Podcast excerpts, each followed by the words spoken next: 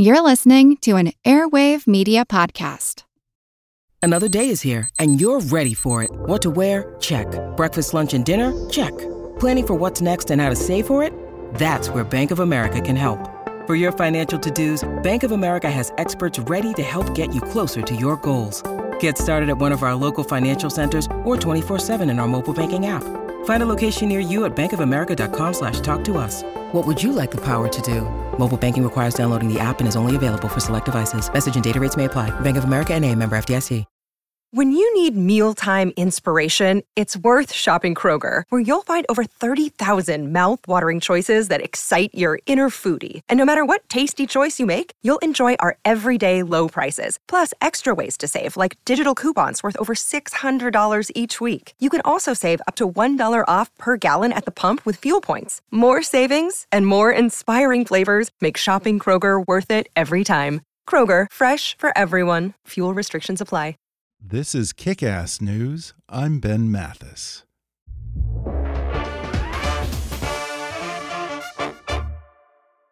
What is technology doing to us? How does it affect our ability to work, to be present, to connect to one another?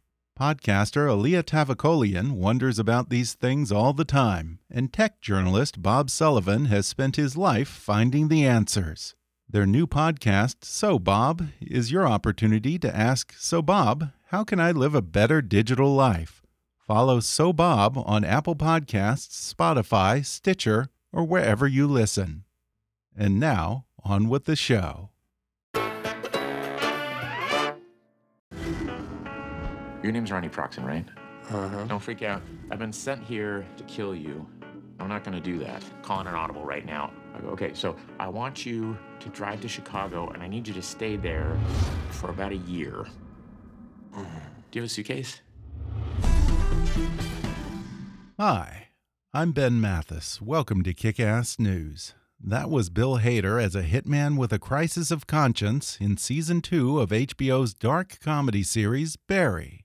Since debuting to critical acclaim last year, Barry has steadily grown its loyal following and earned four Emmy Awards, including an Emmy Award for Best Actor in a Comedy Series to Hader himself. For him, the show, which he co created and stars in, is more than just an opportunity to explore a darker, more nuanced character than fans might be used to from his time on Saturday Night Live and movies like Superbad and Trainwreck. It's a return to his first love, filmmaking, and the fulfillment of a lifelong dream to be a director. And if there were ever any doubts about his abilities behind the camera, they were blown away by this season's episode 5, which followed the much anticipated Battle of Winterfell and immediately had audiences talking. And today, Bill Hader joins me on the podcast to talk about everything that went into that brilliantly cinematic episode of Barry including how he choreographed a nearly 30 minute long fight scene and why he had to hire a construction crew to build him the perfect tree. He reminisces about his childhood love of film, his early days in Hollywood as a struggling production assistant, and the happy accident that led him into improv. Then Bill Hader recalls his original audition for Saturday Night Live, a few of his favorite obscure impressions from SNL and his IFC show Documentary Now, and some strange advice he got from Lorne Michaels about not being Bill Murray on a boat. He shares what he learned about story from his days in the writer's room on South Park, how he manages to walk the line between comedy and darkness on his new series, and how his love of cheesy true crime shows like Forensic Files and Snapped come in pretty handy on Barry. Coming up with Bill Hader in just a moment.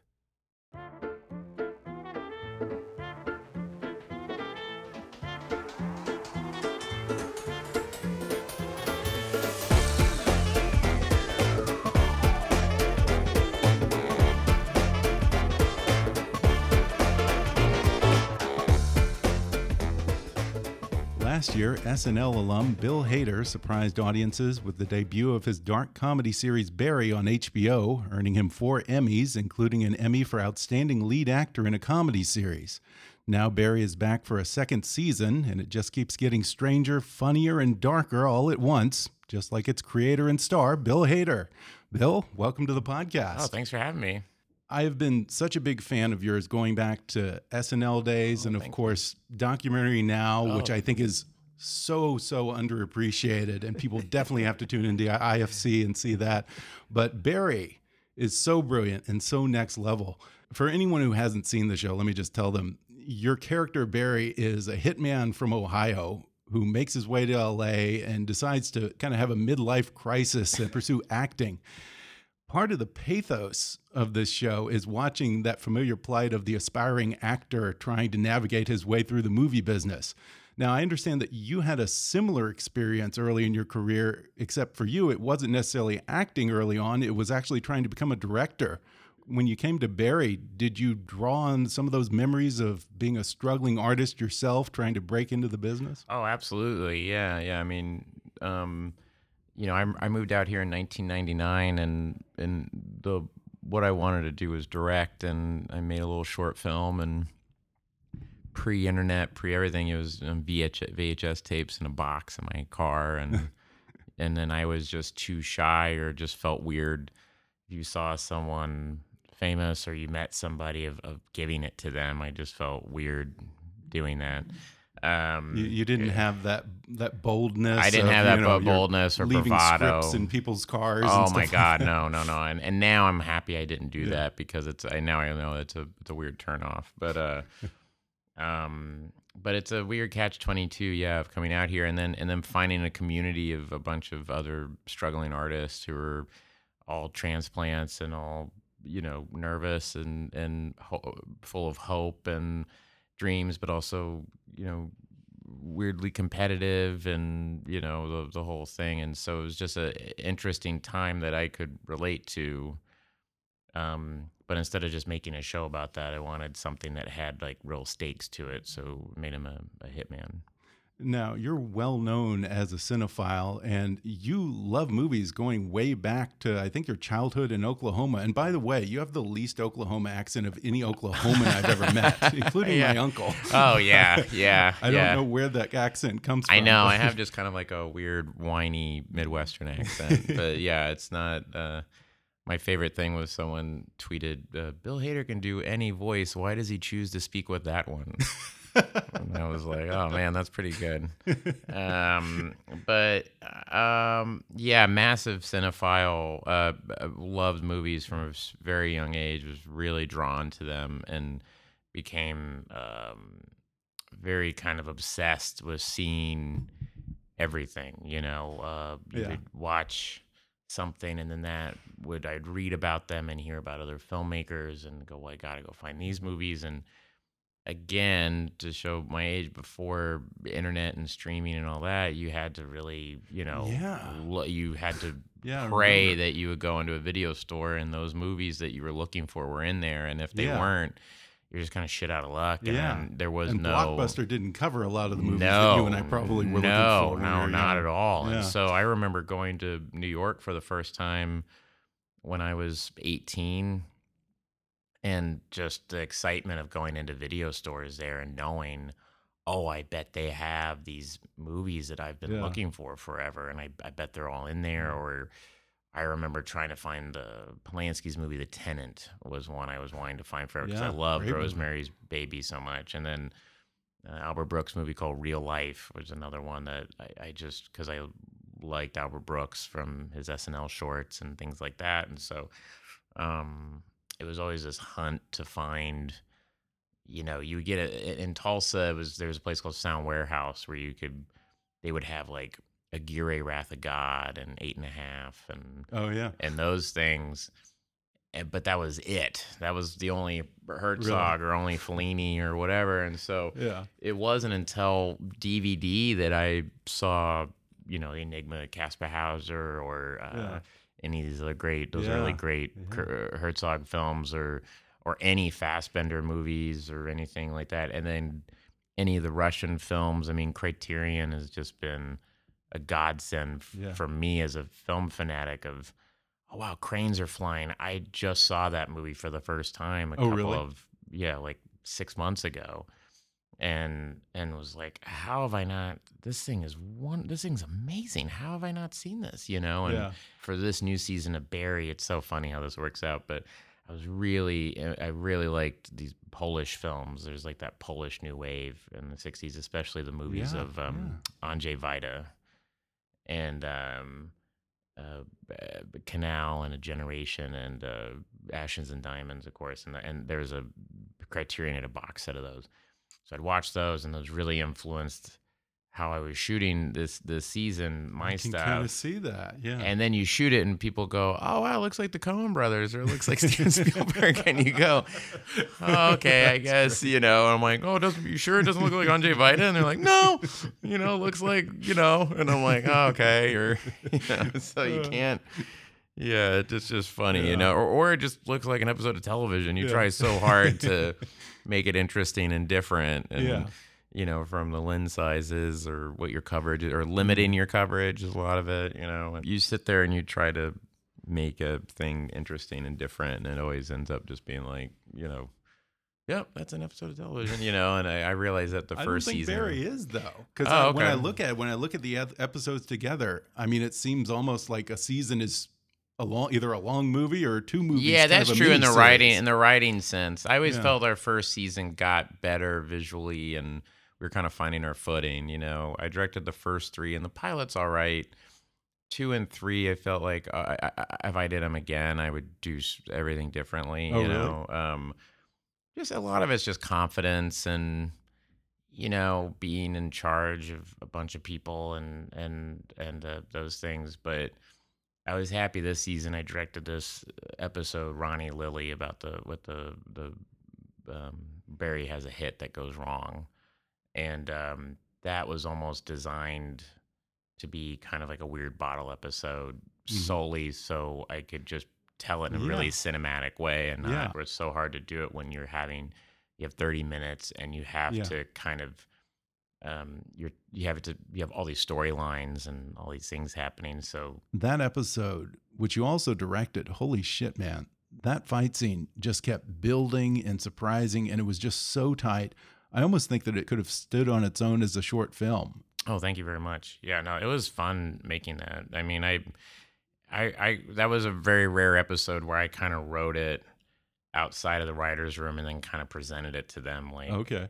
I just, you know, on the board, it was like episodes one through four, and then episodes six, seven, and eight, and then I in episode five, it would just said, you know, Ronnie Proksch hit goes wrong, you know, and I just was like, I'll ex- I'll pitch this to you guys, and then the room did help w- with um they came up with the, the super glue to the hands. We came up with that in the room you know but a, a lot of the other stuff it was just kind of it was fun to write something and just intuitively follow it Mhm. instead of like trying to control it or need to say well this is a thing that has to pay off later or whatever. Just having an episode where you know i'm writing it and barry goes into okay so he's going and talking to the guy and he goes into his room what if the room's filled with taekwondo trophies you know oh that's interesting what if they get in a fight and then he gets nunchucks out but then Yeah, he can't do the thing. You know what I mean? Uh, it's like you I love purposely are subverting it while you're writing Yeah. it because you're like, well, anything right now would be a,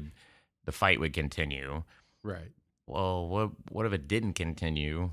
What if he, you know, just goes and then it's like, well, why? Oh, what if he broke his neck? And then I go back and go, okay, so he breaks his windpipe. That's why, you know. And it's like it's Yeah. it was a fun. Uh, it, it, it was very uh, liberating writing Yeah. that, you know. Yeah, and it was fun to see this like sociopathic master killer sort of have the tables flipped on him for the first time. yeah, exactly. Where he's, but Yeah. Well, he's trying not to do it. Oh, right. Yeah, yeah, yeah. He's trying very hard not to kill anybody. He, you know, he comes in with this really half-assed plan to let him go to Chicago for a year, and I don't have the money or anything, but I think we could figure that out. And the guy's, and the guy agrees to it, which is funny. Um, because he knows, well, I'm just gonna kick the shit. I'm gonna kill you, you Yeah. know. Um, so Alec Berg, the co-creator, was helpful when we talked about it because he said it's so easy just make this all a fight scene, but we should try to have some emotional thing in it. So I went back and thought about it, and I was like, oh, what if we had those these kind of daydreams, these like fever dreams that Barry has, you know, about coming back from Afghanistan and Fuches being there and and trying to not be didactic with it, just try telling in images and and um and it's a testament to really well. HBO so that they let us do it. Oh yeah. That episode aired immediately after episode three of Game of Thrones. And I have to say, I honestly think Barry was the bigger payoff because audiences tuned in for the Battle of Winterfell with such impossibly high expectations. And then here you come, so stealthy with no hype, no build up, and you deliver this epic and epically absurd episode long fight scene. When you were mapping out season two, were you conscious of the fact that this episode was going to have the most anticipated hour and a half of television as its lead in? No, we had no Yeah. idea. Oh, I okay. did. We didn't know about it until I didn't know about it until that week Oh, really? because we got invited to this this screen of the Battle of Winter Battle of Winterfell at um at Mann Chinese, this for your consideration event, and it was this massive. You know, all these people came out. What a great place to see that. Yeah, so we went to Mann, and people from the show were there, and then but also. um you know, the guys, the Stranger Things guys were there. Vince Gilligan was there. Like all these kind of other people who just, you know, run other shows who are just fans of Game of Thrones were like, oh, we got to check this out. And I just was like, wow, this thing is mammoth. And just thinking, my, uh, just thinking, no one's going to be watching Barry after this. and, uh, but then it was nice. Yeah, we got the, our biggest audience, you know, after Yeah. that. I mean, we got the numbers, and I think it was like 2.4 million extra people watched Wow. the show. And it was like, And it- Jesus. And it paired nicely, I think. You know, kinda Yeah. the Battle of Barry following the Battle of Winterfell. Yeah, and it was funny that we both had little girls stabbing guys, jumping on guys and stabbing them. When I saw that, I was like, "Oh man, that, how, what are the chances that we both have a little girl Yeah. jumping on top of a guy and stabbing him?"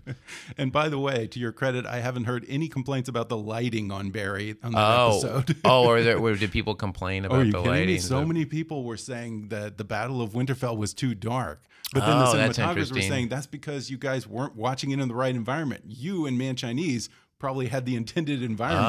Oh, you oh, were watching it, in t- you know, watching it on TV with had lights, on and stuff. Yeah, I see, I see. Yeah, Yeah. no, I, I, I thought it was pretty cool. I mean, I, I don't, I don't know about that, but the, the, the, the Dave and Dan, the guys who do that show, are really Yeah. great and really nice guys, and they, they were, they sent me and Alec really nice text Yeah. afterwards, and we said, "Well, thank you guys for giving us massive numbers. I mean, Jesus, how lucky are we to be following the biggest show on television?" Yeah. How hard was it for you to direct that episode? How complicated was that episode?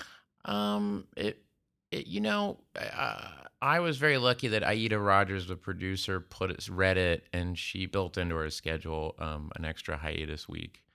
You know, you photo, I photo boarded the entire thing because we have no time really to shoot, and we had uh, overhead schematics. I mean, it, we just planned it, planned it, planned Yeah. it, planned it to an inch of its life. A lot of pre-pro. Well, yeah, and you know Wade Allen had shot. You know, we you know went in and said the long take of the fight. I said, you know, this is how I, this is what I'm thinking, and so he um, choreographed it so it would play out for that specific camera angle. So it was an interesting thing of you almost came with the camera shot first. You know, his thing was the camera was following them the whole time, and that's kind of how I was thinking. And Paula actually said, well, what if they go out of frame and we're kind of that that makes it a little less of an action scene and Yeah. then a little bit more like we're kind of observing it and we're almost kind of judging it in a weird way.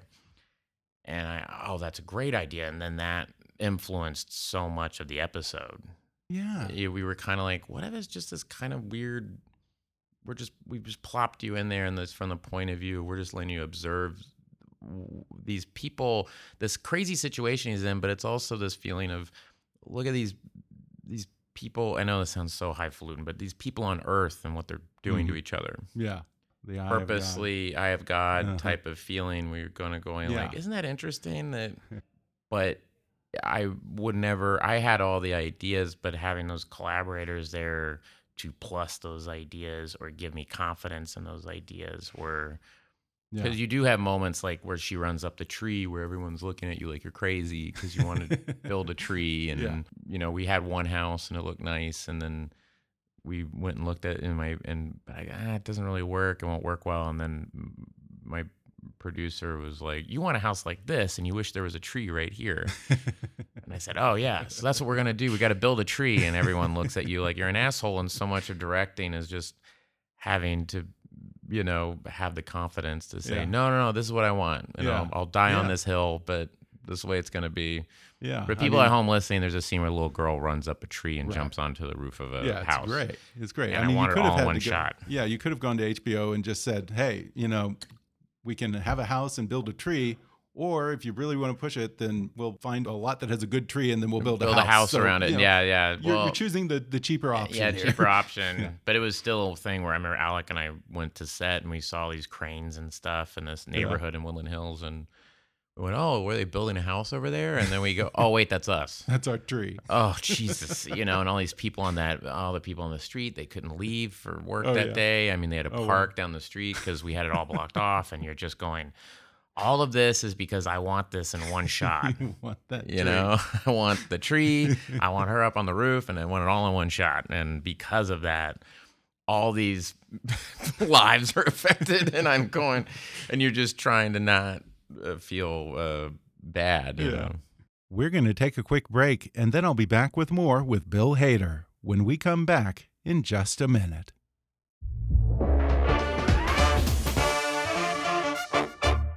Today's episode is brought to you by Kronos. Kronos knows that for many organizations, maintaining a modern workforce of hourly, full, and part time workers can be a challenge. This is especially true for human resources professionals working hard to attract and retain all the best talent. That's why Kronos puts HR, payroll, talent, and timekeeping on a single cloud based platform. It's one specifically designed to give HR professionals supporting a blended workforce a whole new level of confidence.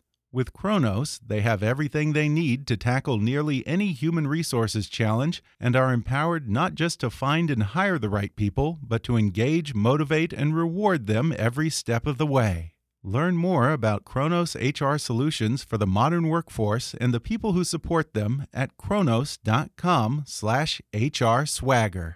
That's kronos.com slash HR swagger. Kronos, workforce innovation that works. If there's something interfering with your happiness or preventing you from achieving your goals, BetterHelp Online Counseling can help.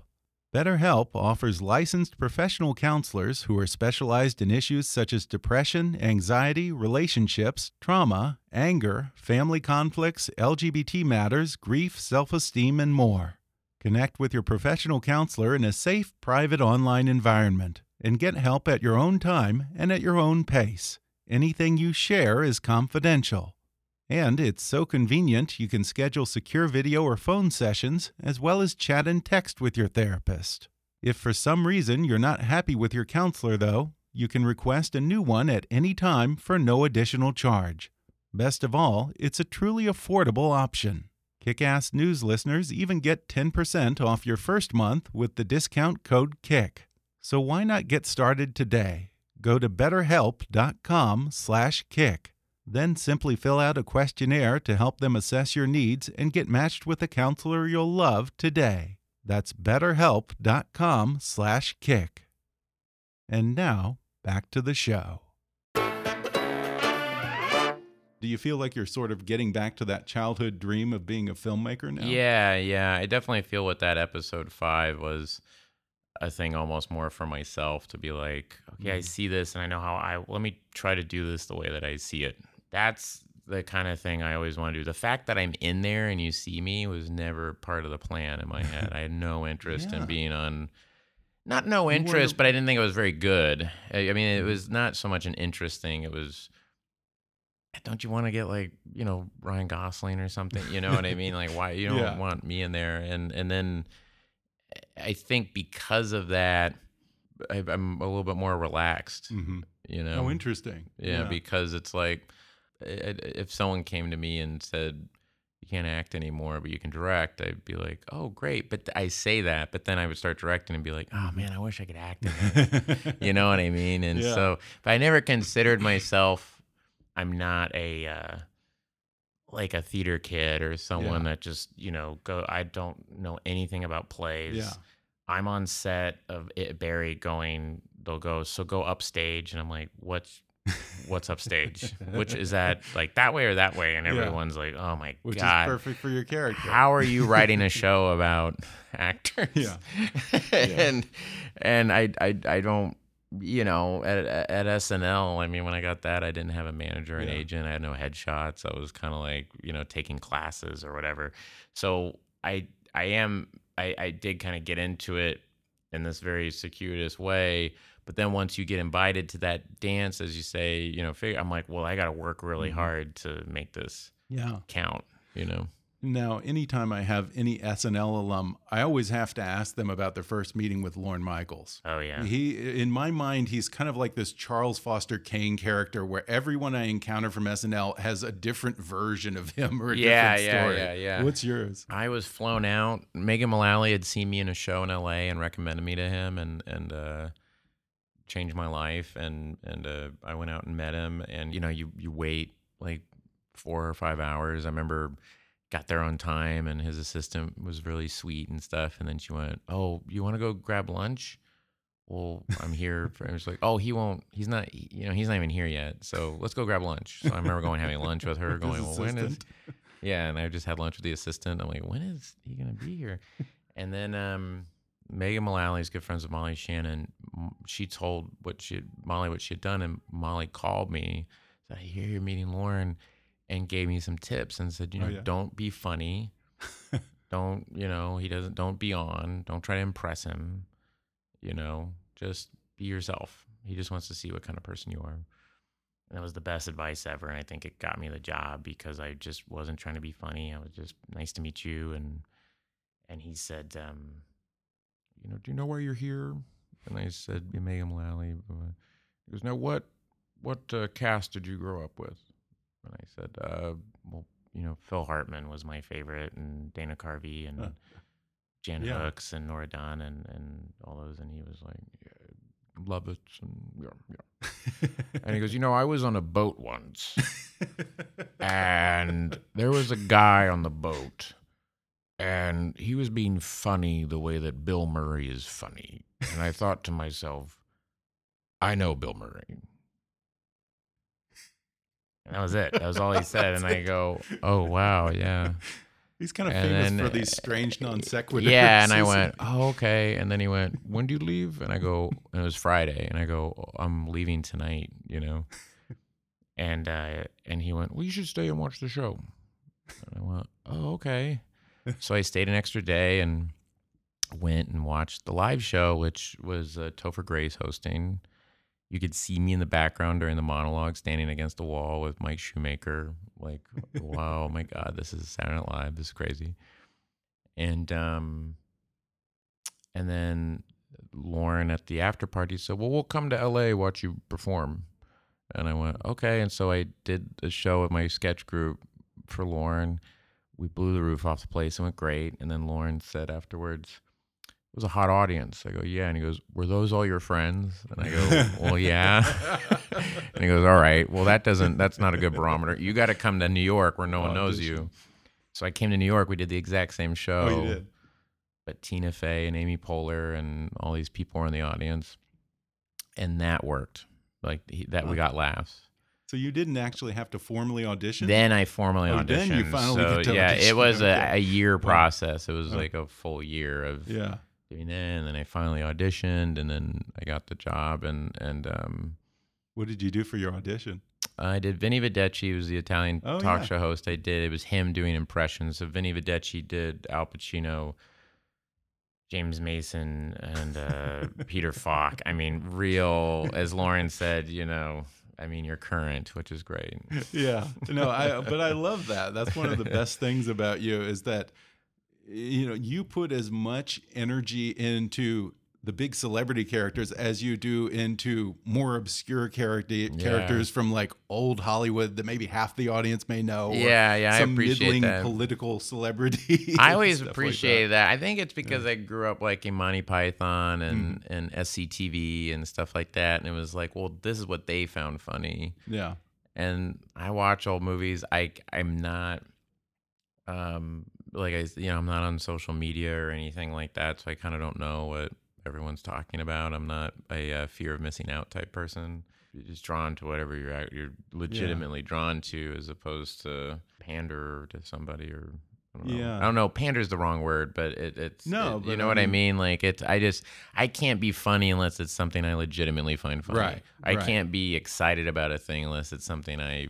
Yeah. am legitimately drawn to, and I think it just reads. Yeah, I've know? had I've had Gilbert Gottfried on a couple of times, and he does so many impressions, just Uh-huh. like you, but they're always like Wallace Beery or Yeah, Sydney yeah. Greenstreet. Yeah, Sydney that, like, Greenstreet and, uh, barely yeah, any person yeah. of like a younger generation is gonna know. Yeah, but that- yeah, that's what he grew up. but he does with. spot on impressions, just like you. That's what he grew up with. So that's like Yeah. you can't help it. It's like, well, Mhm. that's what I grew up with. I don't know, you know, Yeah. anything else. But then I on SNL I was able to do the stuff that was asked of me. You Mhm. know, it's like Eliot Spitzer or you know or whoever was in the news and you know, yeah, and Carville, yeah, to do which Carville, James later Carville. you reprised on documentary now in this amazing version of the War Room. yeah, yeah, yeah.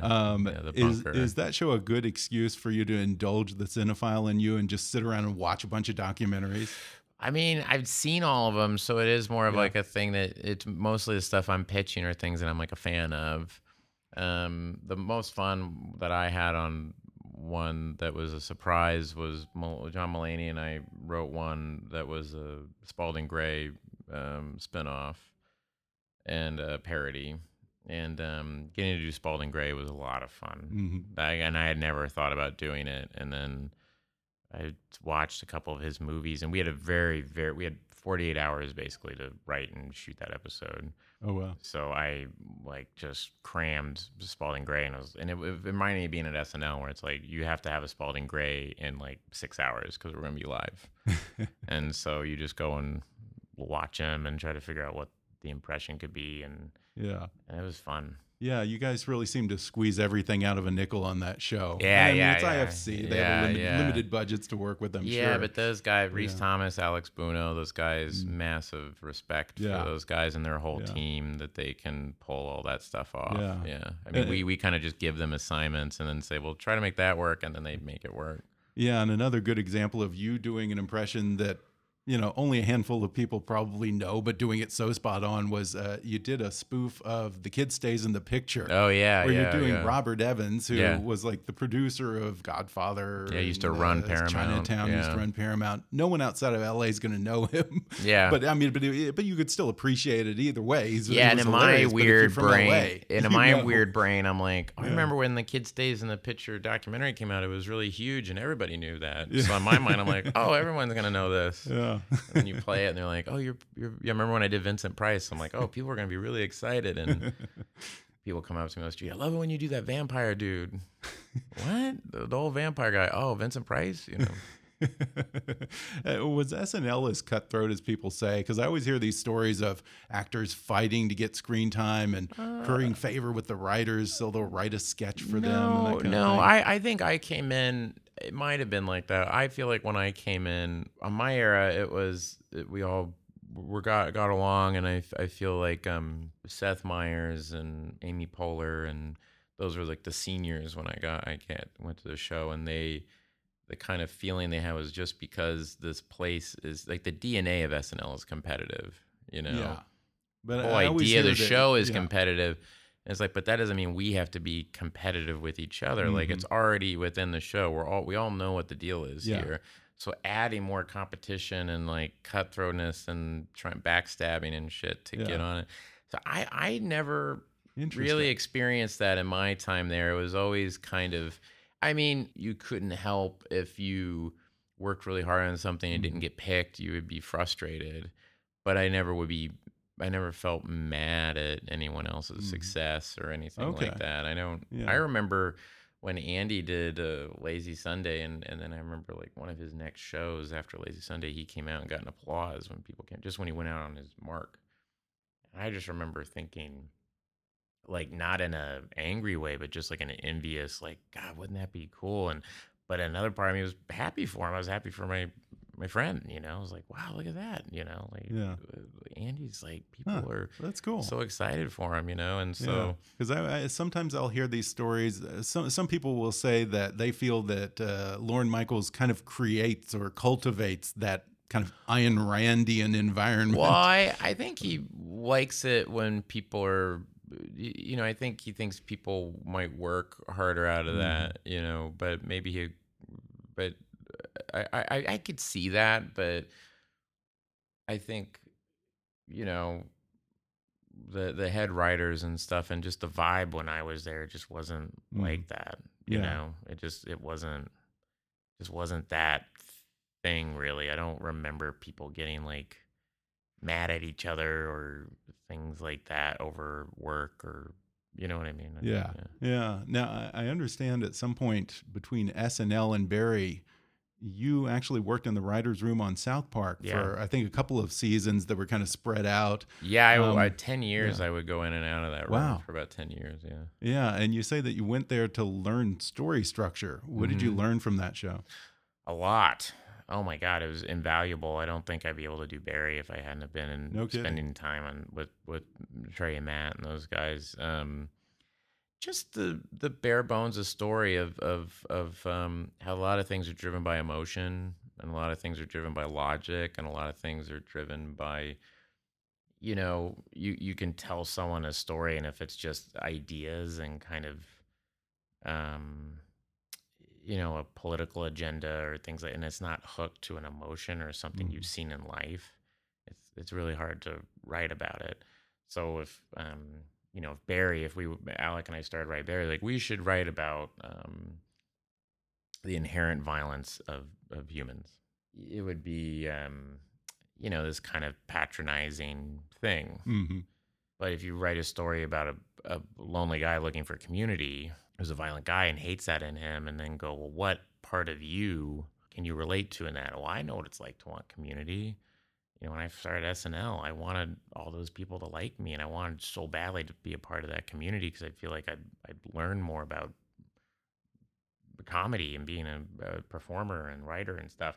And then the own the the this weird fascination that I've always had with my own anger and rage, and Alec and I talking about that, and you know repression and things like Mhm. that. And uh, our thing is like you know the guy at the grocery store shortchanged us, and we didn't. I don't feel I'm comfortable saying, "Hey, man, you shortchanged me," you know. um, so my point is, if I had worked at South Park, I wouldn't have known Yeah. that that's how you get Yeah. into this. You know, it's interesting when people kind of write think pieces about people like, oh, someone wrote this really great article called "The Banality of Evil" for the Atlantic, and and um, But but that's what sort of what. but we would never, but we would never th- have thought of no about about Barry about oh, it the was show. about Barry. Okay, yeah, well, about the show. they About the show. yeah, Yeah, and they, I, and it's a. am sure it's a great article. I get uncomfortable Yeah. reading stuff, but yeah.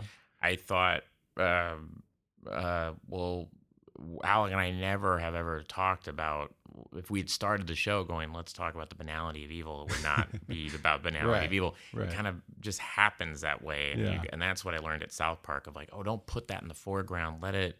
Let people drive the story Mm-hmm. and real emotions and universal emotions drive the thing, Yeah. and then all those other things will kind of come. You know. Yeah, and it's interesting because it kind of treads this thin line between comedy and almost noir. Yeah, in, in yeah, a lot of ways, which I love about it.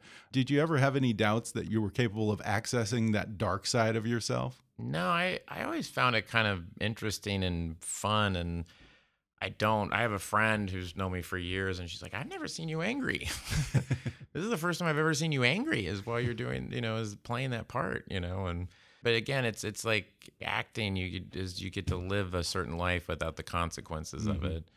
And so I could get angry as Barry as I would like to get angry at the guy at the grocery store, maybe, or you rage at somebody Yeah. for, but Yeah. you, I don't have the nerve, or I Mhm. would feel bad, Mhm. you know, um, you a massive guilt that like, oh, I just, you know, snapped at the guy at the grocery store for shortchanging me, and you feel terrible, you know, afterward.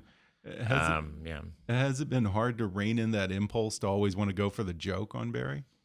No, we're the opposite. We're Oh, kind really? of like afterwards we go. I think we need more comedy in it. We always kind of underwrite all the comedy.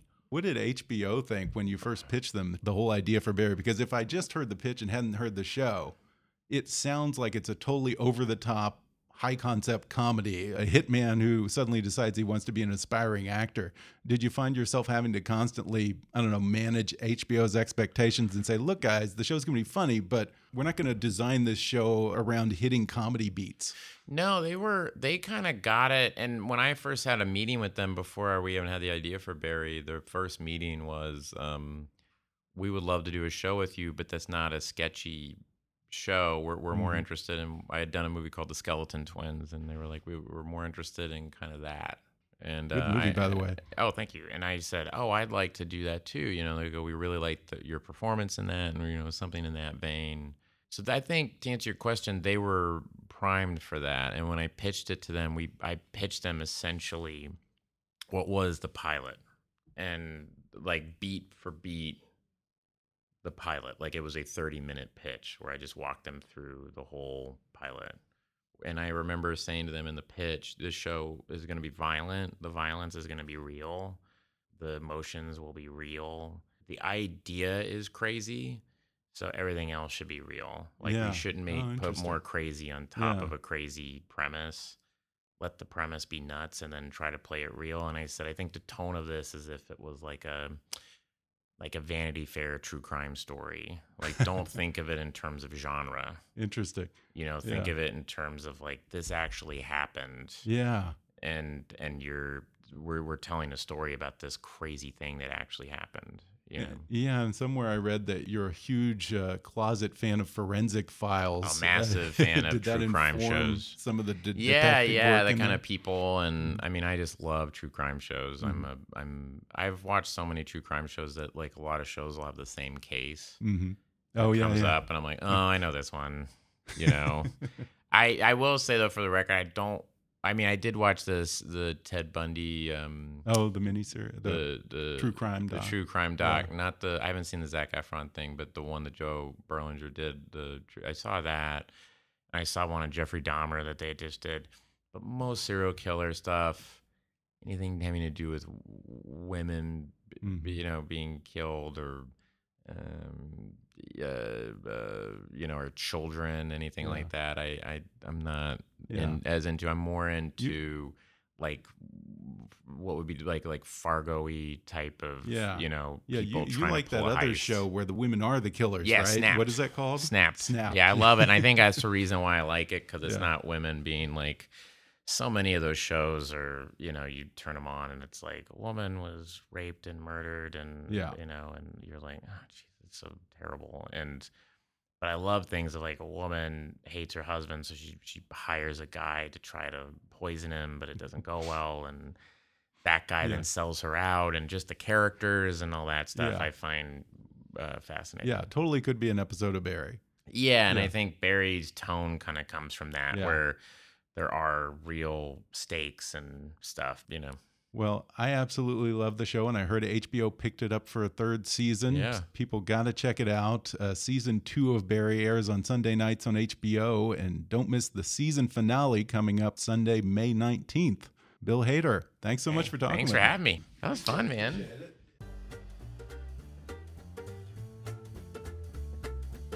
Thanks again to Bill Hader for coming on the podcast. One more time, watch Barry Sundays on HBO, and be sure to catch the season 2 finale airing this May 19th. For more on Barry, including outtakes and behind-the-scenes extras, visit hbo.com/barry. Whatever struggles you're facing, from depression and anxiety to trauma and grief, BetterHelp can connect you with a professional counselor in a safe, private online environment. It's so convenient you can schedule secure video or phone sessions as well as chat and text with your therapist. And anything you share is completely confidential. Best of all, it's a truly affordable option. Kickass News listeners even get 10% off your first month with the discount code KICK. Simply go to betterhelp.com/kick and fill out a questionnaire to get matched with a counselor you'll love today. Subscribe to Kickass News on Apple Podcasts if you haven't already, and if you like what you're hearing, then rate and review us while you're there.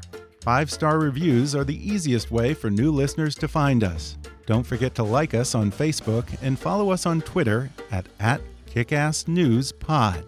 And feel free to email me with your thoughts, questions, and suggestions at comments at kickassnews.com.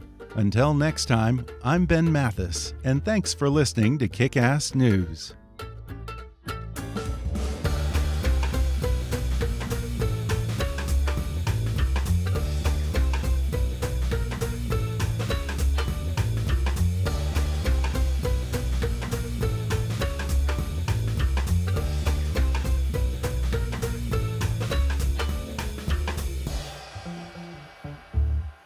Kickass News is a trademark of Mathis Entertainment, Inc.